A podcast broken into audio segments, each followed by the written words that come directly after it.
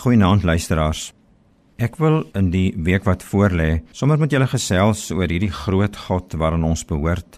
Hierdie God wat in Christus na ons toe gekom het en menswees kom verander het. Ons lewe kom verander het.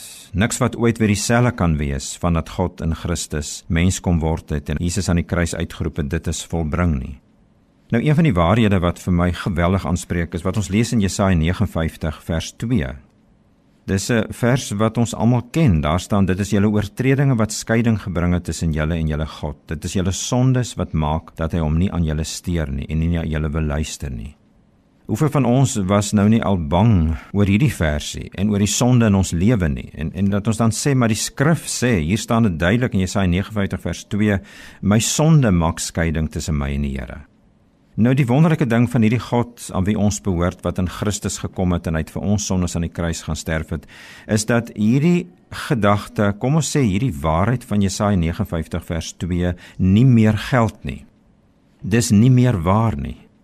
Want in 2 Korintiërs 5 staan daar dat die boodskap van verzoening het hy vir ons gegee en die boodskap van verzoening bestaan daarin dat hy die sonde van die wêreld nie meer toereken nie. So die waarheid van hierdie groot God van ons is dat sonde nie meer skeiding bring tussen my en hom nie. Nou kan ek dit weer sê. Ons sê nie daarmee sonde is reg nie. Natuurlik bring sonde verwoesting en skade en dit is sleg. En die Here hou nie daarvan nie. Maar sonde maak nie meer skeiding tussen my en hom nie. Dit het hy uit die weg kom ruim.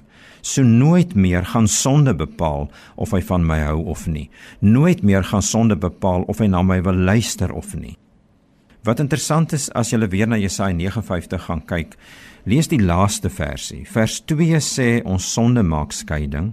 En dan kom vers 21 van Jesaja 59 wat nou die vorige versies al begin het met 'n heenwysing na Christus en in die Ou Testament al staan hierdie gedagte dat God in Christus kom en 'n verandering bring. So vers 21 sê: "Wat my betref," sê die Here, "dis my verbond met die volk, my gees wat op jou is en my woorde wat ek in jou mond lê."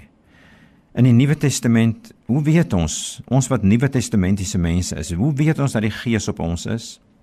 As jy verstaan van Christus, as jy glo en begryp wat is die voltooide werk van Christus, dan het jy die Gees. Dan sê die Here, die woorde wat ek in jou mond lê, gaan nie uit jou mond nie en ook uit die mond van jou kinders en jou kindskinders verdwyn nie, nie nou nie en nooit nie.